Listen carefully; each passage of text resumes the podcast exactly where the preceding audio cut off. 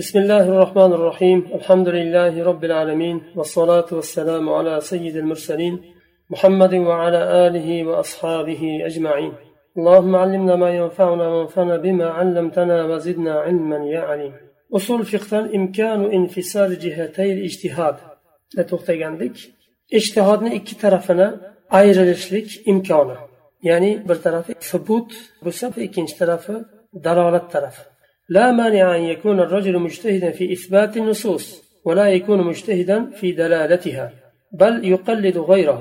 ومن هؤلاء بعض القوم الذين تخصصوا في علم الحديث وأسانيده ورجاله وعلله. بركش dalillarni subutida mushtahid bo'lib turib dalolatida mushtahid bo'lmasligi mumkin subutida mushtahid bo'lgan olimlar ular muhaddis olimlar subuti qanday? Qat'iymi yo zonniymi sahihmi yo doifmi yo hasanmi? Va subuti va dalolati bo'ladigan bo'lsa ahkomlarga bo'lgan dalolati qanday? Uni fuqaholar mutaxassis bo'ladi bu dalolatida subutida bo'lsa muhaddis olimlar.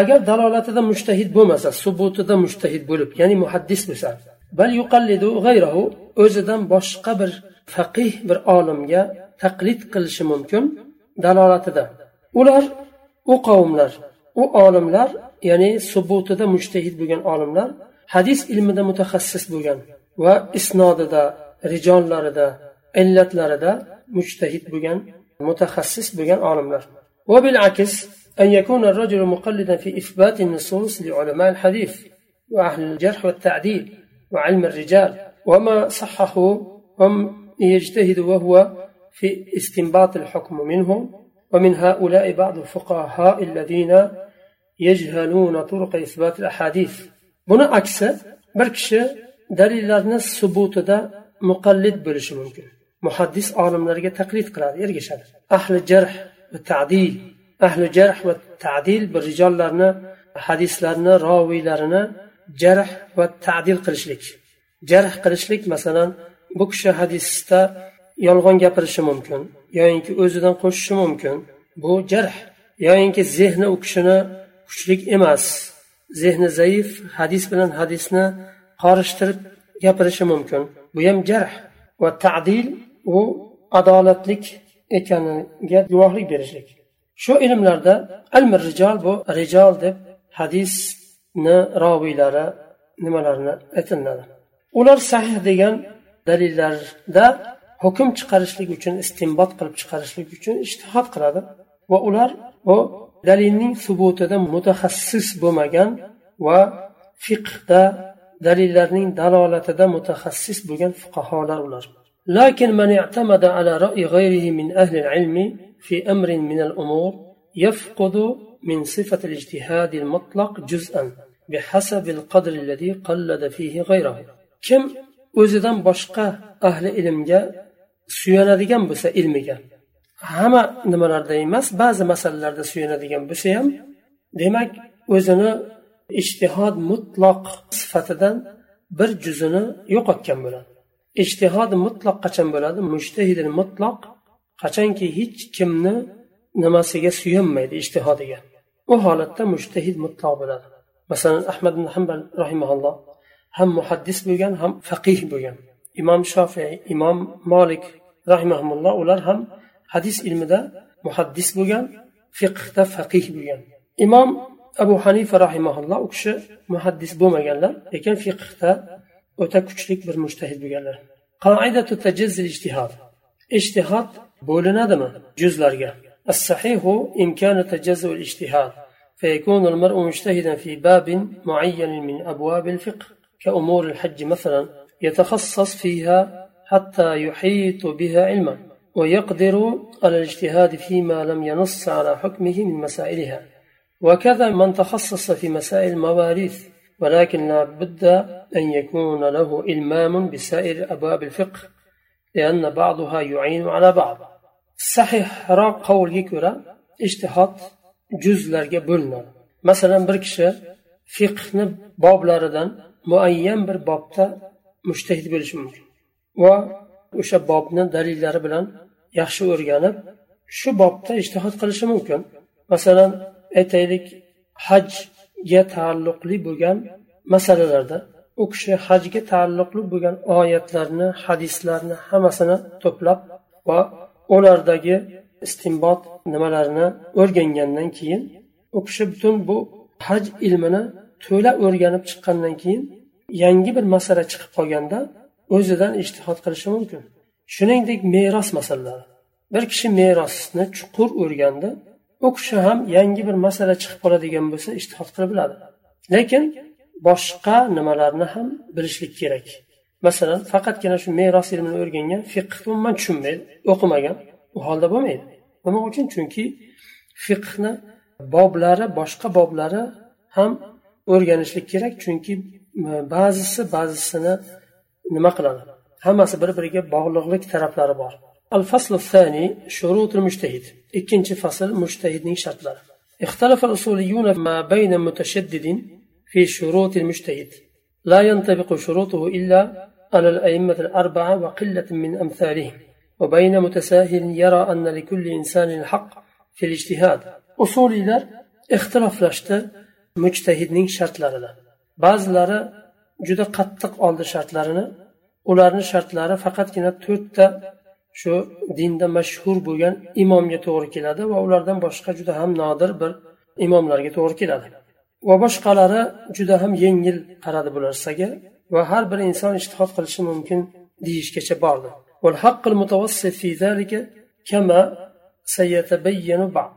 Endi o'rtadagi haq hozir bayon bo'ladi. bu yerda tushuntiriladi nechta shartlari bor والشروط التي لا بد من توفرها في الشخص لكي تكون له أهلية الاجتهاد تسعة هي ما يلي bir kishi ishtihod ahlidan bo'lishligi uchun komil bo'lishligi kerak bo'lgan shartlari to'qqizta ekan birinchi va ikkinchi sharti islom va taklif musulmon bo'lishlik kerak va mukallaf bo'lishlik kerak kofir bo'ladigan bo'lsa har qanday ishtihod qilsa ham ishtihodi qabul bo'lmaydi. Masalan diniy ilmlarni o'qigan lekin o'zi musulmon emas.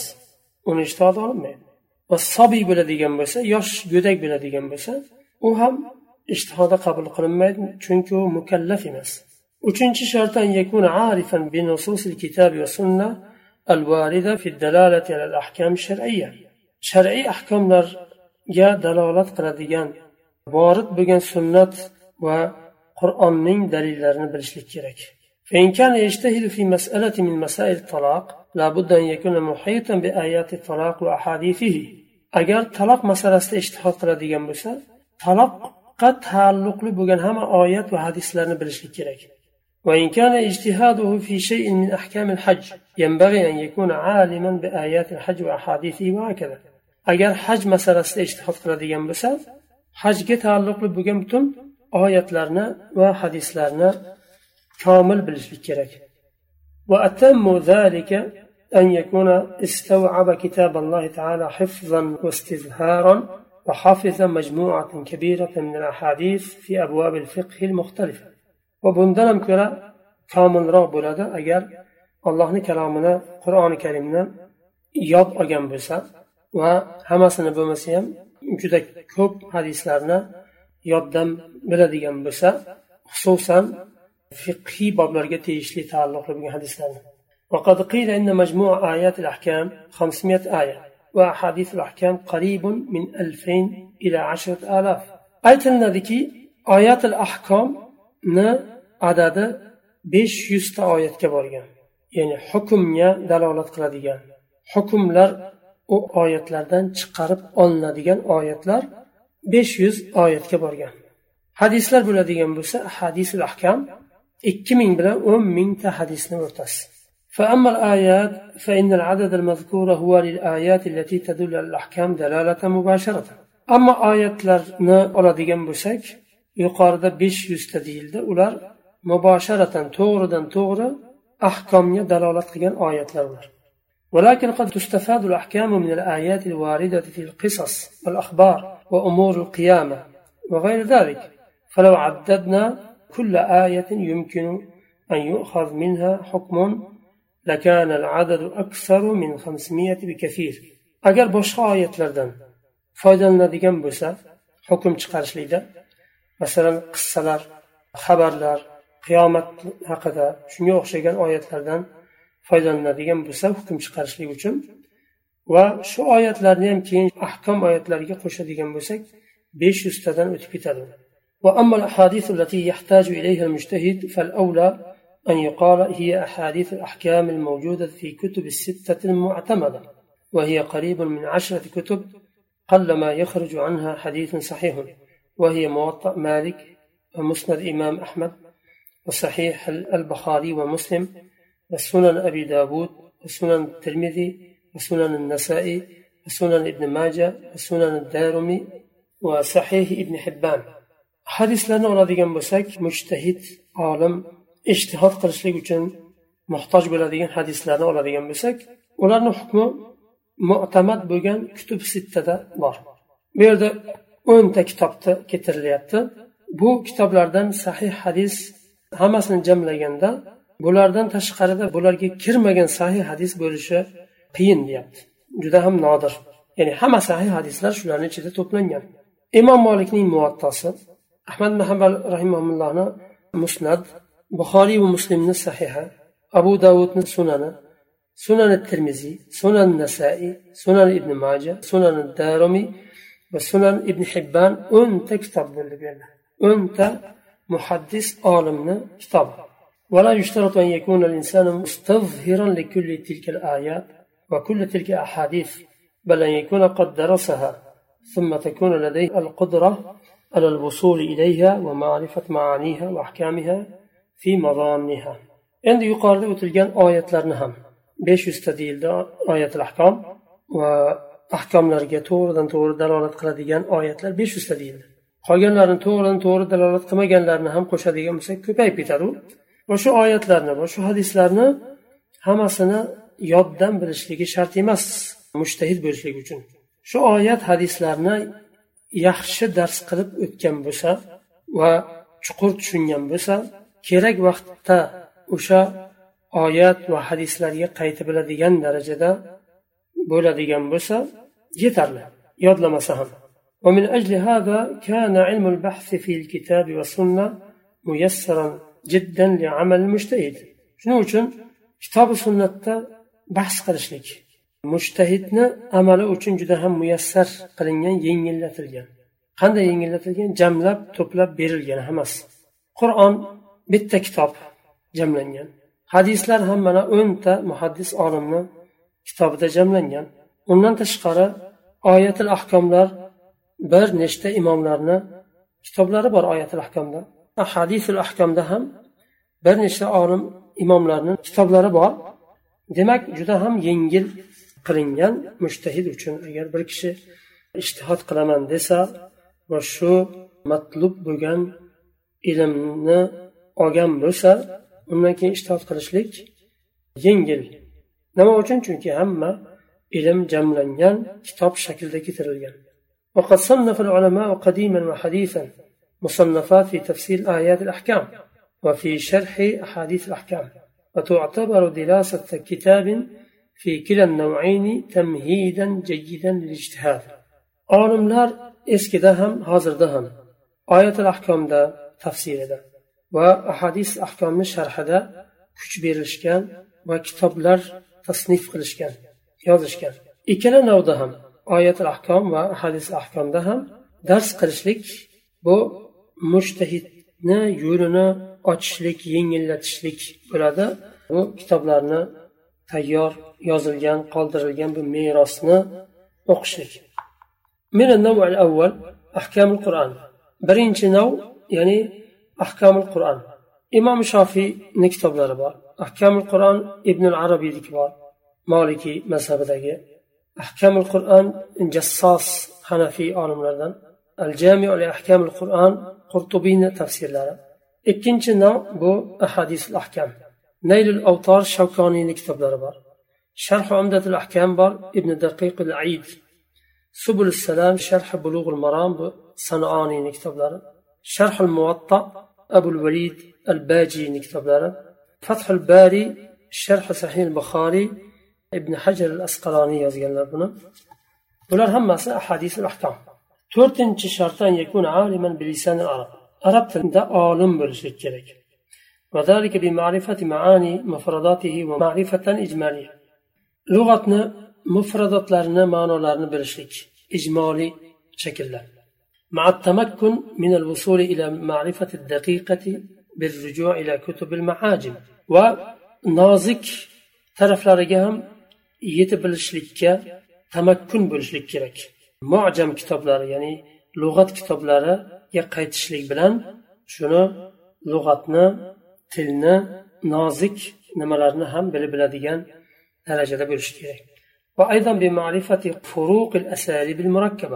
tarkibni uslublarini ham farqlarini nima qilishlik kerak biladigan darajada bo'lishlik kerak u uchun وذلك بأن يكون له ملكة في النحو والصرف والبلاغة مع التمكن من الرجوع في دقائق مسائلها إلى مظانها في كتبها uchun nahvni yaxshi bilishlik kerak sarfni yaxshi bilishlik kerak balog'atni yaxshi bilishlik kerak va shu nimalarni lug'atda nozik masalalarni bilishlik nima qilishlik uchun kitoblarga qaytishni ham bilishlik kerak qaysi kitoblardan nima qilishni beshinchi shart usul fiqh usul fiqhda olim bo'lishi kerak لما تقدم من أنه العلم بالقواعد التي تتبع في الاستنباط وخاصة معرفة القياس فإن به تعرف أحكام أكثر الوقائع الجديدة. حتى لقد قال الإمام الشافعي الاجتهاد والقياس. يقال كان أصول فقه نما.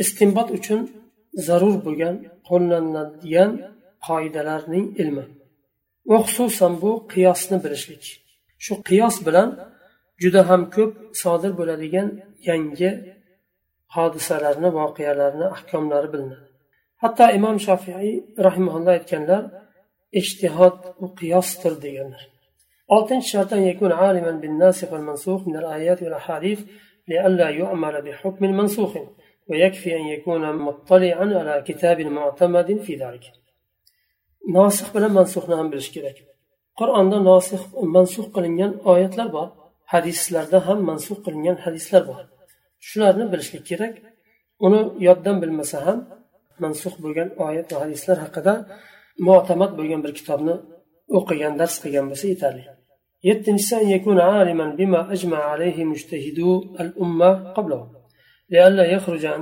إجماعهم لينحصر اجتهاده فيما اختلفوا فيه وفيما لم يتعرضوا له ولابن حزم كتاب في ذلك اسمه مراتب الإجماع سبقت الإشارة إليه يتنش شرط أمتنا مجتهد لرا qilgan ijmolarni bilishlik kerak ularni ijmodan chiqib ketib qolmasligi uchun ular ijmo qilgan ya'ni ummatni olimlari bizdan oldingi olimlar ijmo qilgan masalalarda yana boshini qotirib ishtihod qilayotmasligi uchun yoinki ularni ijmodan chiqib ketib boshqa hukmni bermasligi uchun ijmoni bilishlik kerak chunki ijmo qilingan bo'lsa tamom u hukm sobit bo'ldi endi o'zgarmaydi ibn hazmni kitoblari bor marotibul ijmo degan yuqorida ishora qilingan ويعرض ابن قدامة في المغني مسائل الإجماع وينص عليها وكذلك ابن حزم في المحلى والنووي في المجموع وغيره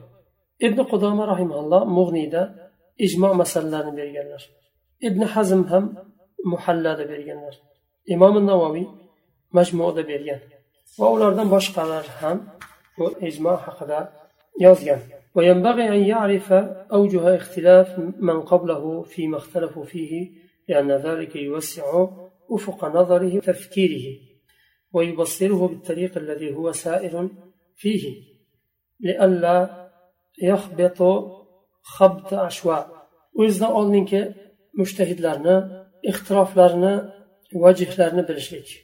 Nima uchun ixtiroflashgan va qaysi sababdan ixtiroflashgan? Chunki ba'zi qoidalar har bir mazhabda bir o'zini bir qoidalari bor bir biriga ba'zi o'rinda to'g'ri kelmay qoladi. Agar shularni biladigan bo'lsa ixtirof sabablari vajihi buni bila biladigan bo'lsa o'qib o'rganadigan bo'lsa har bir imomni uni qoidasini uni ishtihodini yo'nalishini o'rganmasa olimlarni o'rtasidagi ixtirofni to'la tushunolmaydi inson. Agar buni o'rganadigan bo'lsa u kishini nazarini kuchaytiradi fikrini kengaytiradi va o'zi yurgan yo'lini yana ham yorqinlashtiradi va adashib to'g'ri kelgan tarafga ketib qolmaydida yo'lini ko'rmasdan ko'rib yuriydi. Chunki o'zidan oldingilarni ijtihodini o'rgandi ularni ixtiroflarini o'rgandi fikri kengaydi dalillarni yaxshiroq ko'z bilan ko'radigan bo'ldi chuqurroq nazar bilan qaraydigan bo'ldi. Sakkizinchi shart an yakuna ladayhi fitona va zaka asil. Mushtahidda zakovat bo'lishlik kerak. Asil zakovat degani ya'ni tug'ma zakovat kerak zakosi kuchli bo'lmasa ishtihodda qiynaladi ya'ni ishtihodi ham chuqur bo'lmaydi فإن ذلك هو الأساس لحسن التصرف في الأدلة chunki bu zakovat dalillarda yaxshi tasarruf qilishlik uchun dalillarni ustida yaxshi ishlashlik uchun asosiy narsa u zakot والاستفادة من العلوم المختلفة التي تستنبط منها الأحكام ulardan ahkomlar istinbot qilib olinadigan muxtalif ilmlardan istifoda qilishlik uchun ham asosiy narsa hisoblanadi zakot.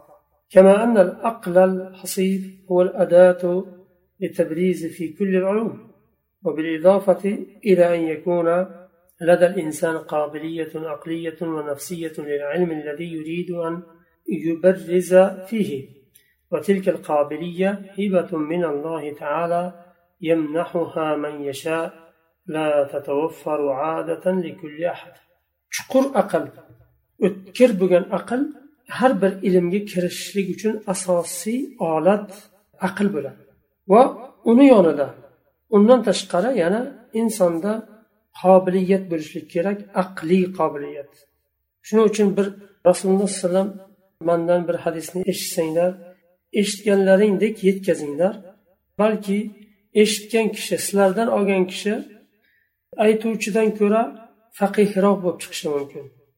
Ya'ni zakosi kuchli bo'lib chiqishi mumkin. Masalan siz bir hadisni eshitdingiz borib bir kishiga aytdingiz shunday shunday hadis. Siz uni nozik taraflarini tushunmagan holda hadisni ko'chirgan bo'lasiz. Lekin u zakovati kuchli inson u hadisdan siz tushunmagan to'rt beshta nozik masalani chiqarishi mumkin. Nozik bir taraflarni sezishi mumkin bilishi mumkin. Va shuningdek boshqa ilmlarda ham shunday dedik va bu narsa alloh subhanahu va taolodan bo'lgan hiba hadiya bu. Alloh taolo istaganiga beradi bu zakoni va odatan bu narsa ko'pchilikda bo'lmaydi. Kuchlik zako ya'ni ko'pchilikda bo'lmaydi juda ham ozchilikda bo'ladi. shu yerda to'xtaymiz subhanakallohumma bihamdik أشهد أن لا إله إلا أنت أستغفرك وأتوب إليك